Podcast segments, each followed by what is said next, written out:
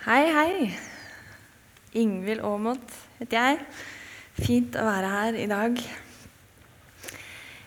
Jeg har satt opp overskriften for denne andakten til å være 'Håpet og utfordringa'. Men aller først så vil jeg ta dere litt med på bakteppet for søndagens tekst.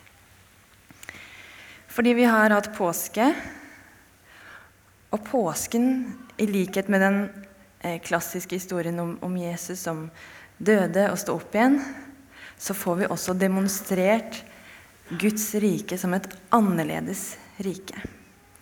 Jesus som en annerledes konge. Og det kan vi skrive oss litt bak øret i møte med dagens tale. For på palmesøndag så rei Jesus inn i Jerusalem og tok imot å bli hylla som en konge. Men like etter ble han fanga eh, og kom i samtale med bl.a. Pilatus. Og Pilatus spør han, 'Er du konge?' Og Jesus svarer han, 'Min kongsmakt er fra en annen verden'. Og Forrige søndag så snakka Ole Martin, den andre pastoren her i kirka, om Jesus som den gode hyrden som ga sitt liv frivillig. Han ga det frivillig. Det var noe han valgte også å gjøre sjøl. Og så nevnte Ivar og meg-Britt at vi skal peke fram mot himmelfarten. Og Situasjonen vi befinner oss i når vi leser teksten nå etterpå, det er det siste måltidet som Jesus har med disiplene sine. Og Når jeg leser de tekstene der, det er ganske langt, eh, så virker det som Jesus bruker mye tid på å forberede disiplene sine på det som ligger foran. Så vi kan reise oss og lese teksten. Den er henta fra Johannes 16, 16 til 22.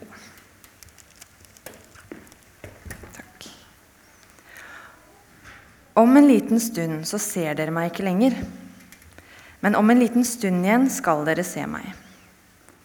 Da sa noen av disiplene hans til hverandre.: Hva mener han med å si 'om en liten stund ser dere meg ikke lenger', men om en liten stund igjen skal dere se meg, og jeg går til far? Hva mener han med 'om en liten stund'?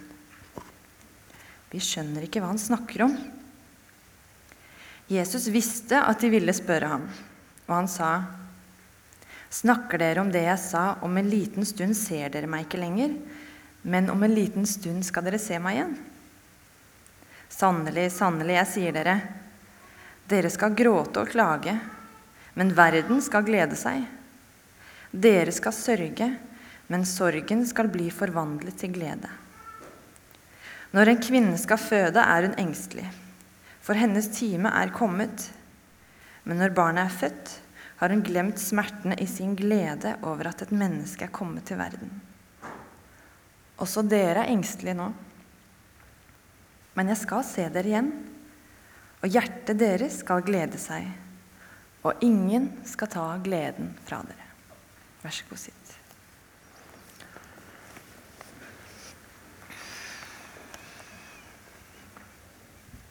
Og ingen skal ta gleden ifra dere. Det skriver jeg meg bak øret. Og så har jeg med meg noe rart. Jon Kjetil i stad han så, så det sto oppå. Han var liksom sånn, måtte han snu seg litt. og hva, hva er greia her? Fordi jeg har med meg et slepetau. Og det er ikke fordi jeg skal slepe dere gjennom hele Bibelen i dag. Men jeg har lyst til å illustrere noe for dere. Vi begynner her. For allerede i søndagens tekst så får vi med oss to litt eh, motstridige poenger. På den ene siden så anerkjenner Jesus sorgen. Men på den andre siden så poengterer han en glede. En glede som ingen skal ta fra dere.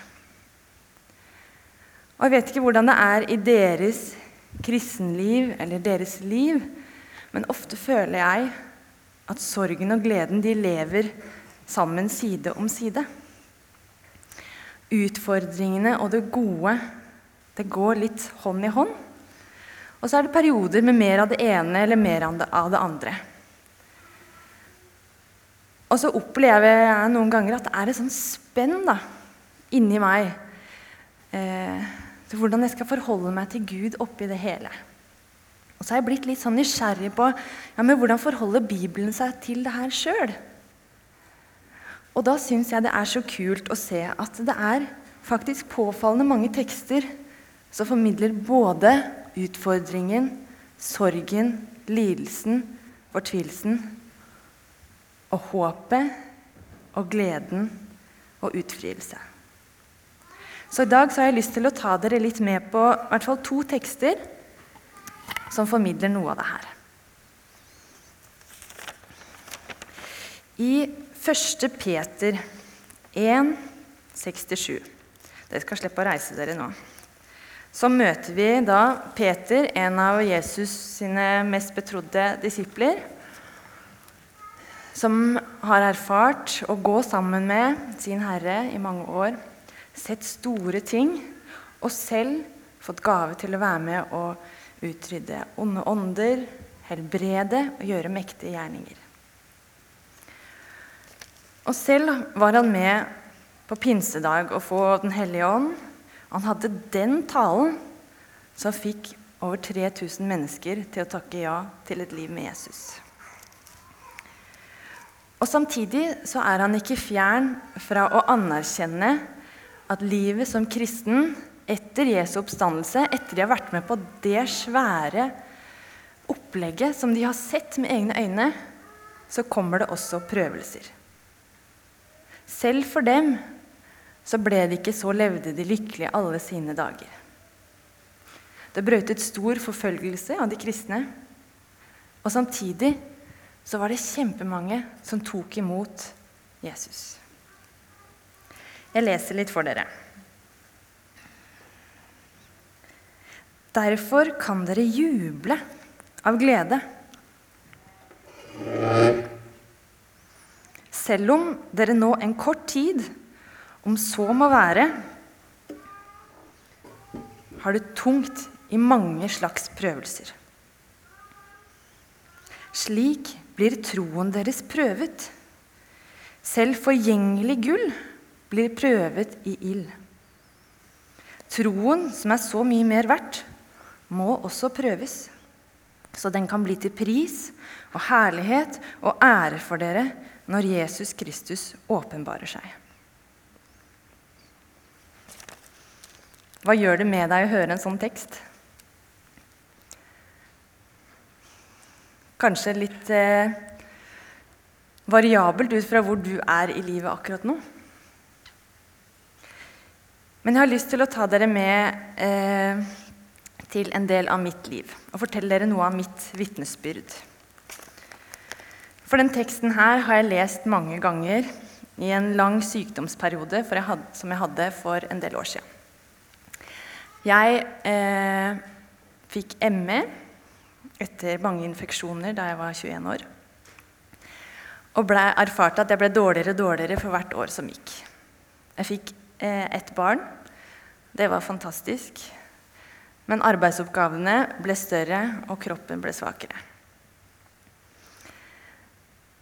Og jeg hadde vært en frisk og sprek jente med eh, hva skal jeg si, verden for sine føtter og tanker om at åh, ja, kanskje Gud kan bruke meg til det, eller eh, Jeg hadde ikke kjent på den type begrensning før. Og så blei jeg i en veldig ung alder svært begrensa. Så begrensa at jeg måtte gi opp å lage min egen middag. Gi opp å eh, levere min, e mitt eget barn i barnehagen. Gi opp å vaske mitt eget hus. Gi opp å reise på ferier og bare fokusere på Anders, mannen min, og dattera mi, Sara. Og da meldte det seg mange tanker. Gud, hva tenker du om det her? Hva mener du med at liksom, Det her skal bare vare og vare. Jeg ser ingen utvei. Hva er det du har skapt meg til? Hva er det du har kalt meg til midt oppi det her? Og så husker jeg så godt at når jeg leste den teksten her, så opplevde jeg det på en måte som en trøst. Men jeg er nok ikke som typen sånn som blir veldig sånn lei meg i utstrakt eh, Jeg blir nok litt mer sånn sinna. Eller litt sånn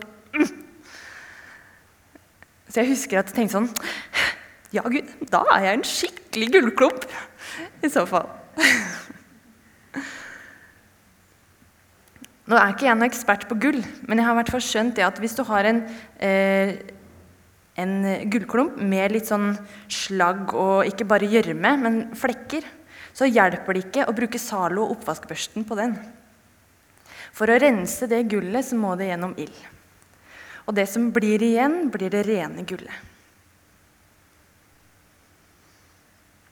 Også med en gang vi beveger oss inn på det her med liksom utfordring og hva er meninga, og er det noe mening, så er det et veldig sånn stort landskap man skal trå veldig forsiktig i. Så jeg mener ikke å legge to streker under svaret her, men kanskje kan vi ut fra den teksten her få lov til å tenke hmm, De utfordringene vi møter i livet og i hverdagen Her er Gud litt smart. Kanskje kan han bruke det kjipe, de prøvelsene som skjer, til å vise hvem han er. Gi oss et annet blikk på livet. Gi oss et annet håp og en annen lengsel til himmelen. Hjelpe oss til å forstå at dette er ikke endestasjonen. Og hjelpe oss til å forstå at det er ikke det perfekte livet som skal til for at Gud skal kunne bruke meg og for at Gud skal kunne lære meg noe og vise hvem Han er, og sin vilje med mitt liv. Og så har jeg hatt taler før der jeg landa der. For jeg tror med hele mitt hjerte at Guds største ønske med mitt liv og ditt liv, det er at vi skal bli frelst. At vi skal være hans. At vi skal være kjent av han og kjenne han.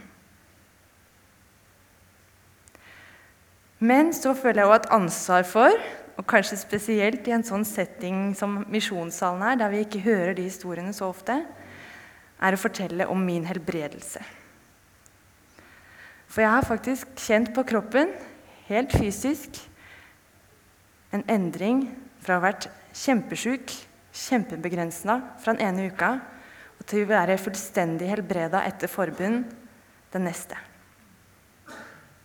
Og det må vi også våge å snakke om.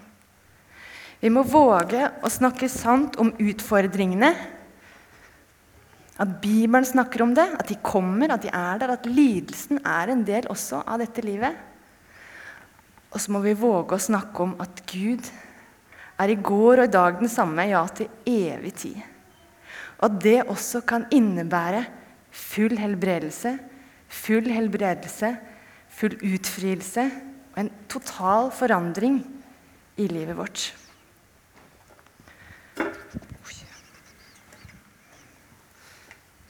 Var litt langt, det tauet.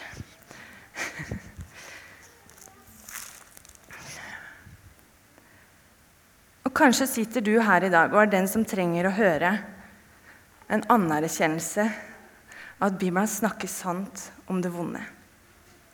Og kanskje trenger du en liten utfordring på det at ja, det skjer også i dag.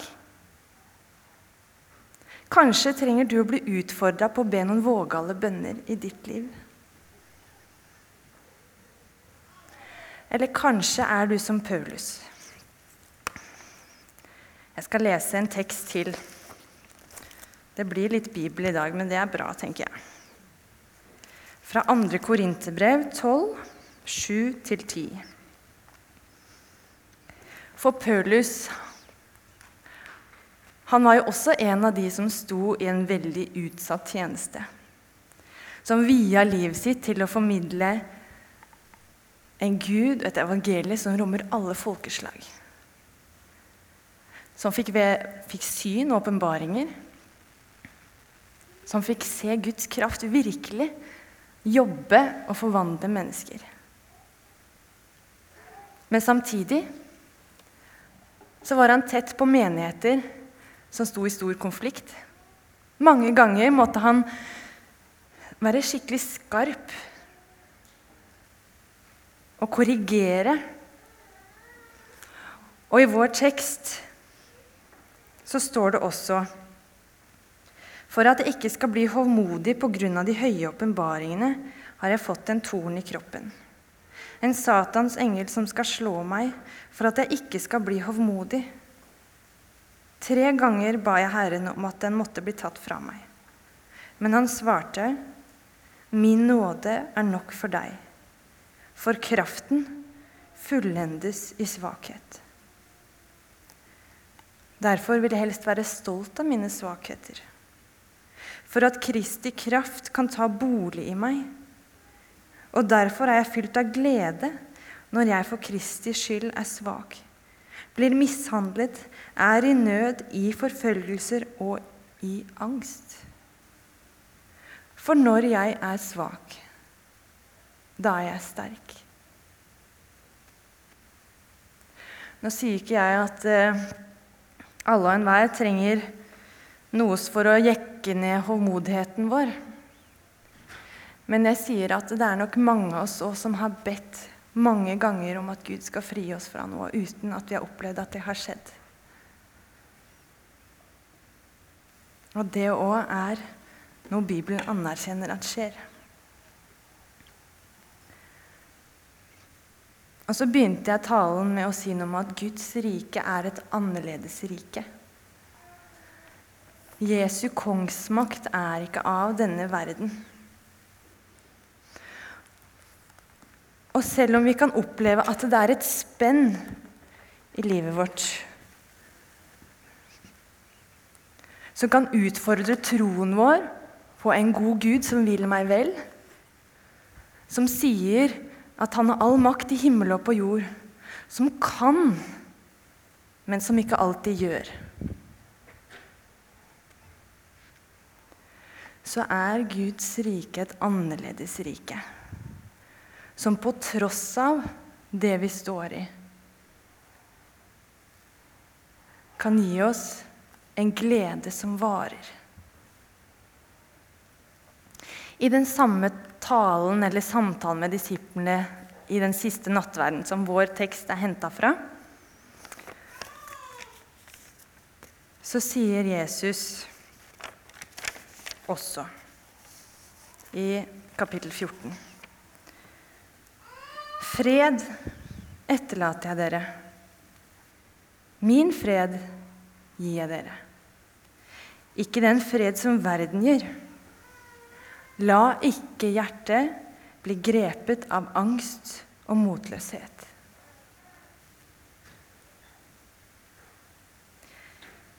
Ingen skal ta gleden fra dere. Det er noe som sier meg at dette er noe av noe en del av hemmeligheten i Guds ord. Noe av hemmeligheten i Guds rike som et annerledes rike. At i denne verden vi lever i, så vil han, har han gitt oss et løfte om en fred som er annerledes, midt i det vi står i. Og en glede som varer helt inn i evigheten. Så kanskje er det det som skal være din bønn i dag. Jesus, gi meg av din fred inn i det jeg står i. Gi meg av den gleden som du snakker om, som skjer samtidig som sorgen og prøvelsene. Kanskje det er din bønn i dag. Og kanskje er en annen sin bønn og bli utfordra på å be litt mer vågalt. Her i misjonssalen kan vi utfordre oss på å be om litt flere himmelglimt. Om å se litt flere helbredelser, litt flere mektige gjerninger. Gud, kan du fylle oss med nådegaver Så vi kan oppmuntre hverandre og bygge hverandre opp som den kirka vi skal være.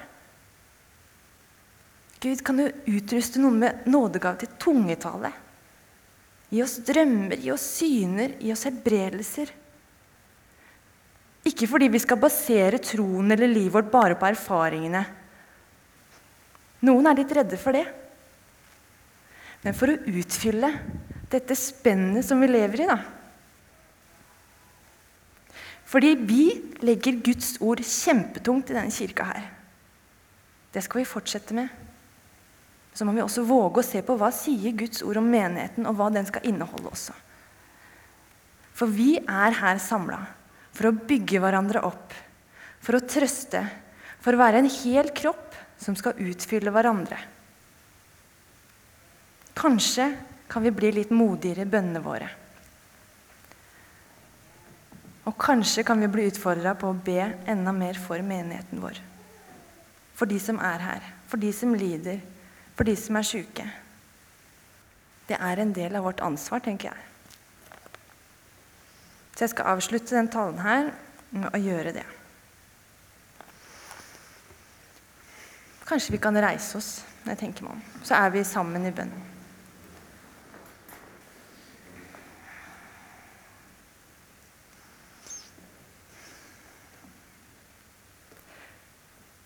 Kjære Herre Jesus. Takk at ditt ord sier at der to eller tre er samla, så er du midt iblant oss. Det er du nå. Takk at vi får være din kirke og din kropp her i Oslo.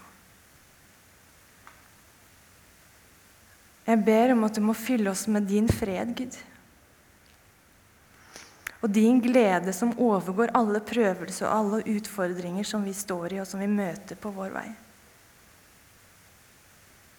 Helligånd, må du komme og fylle oss med din kraft til å leve det livet du har kalt oss til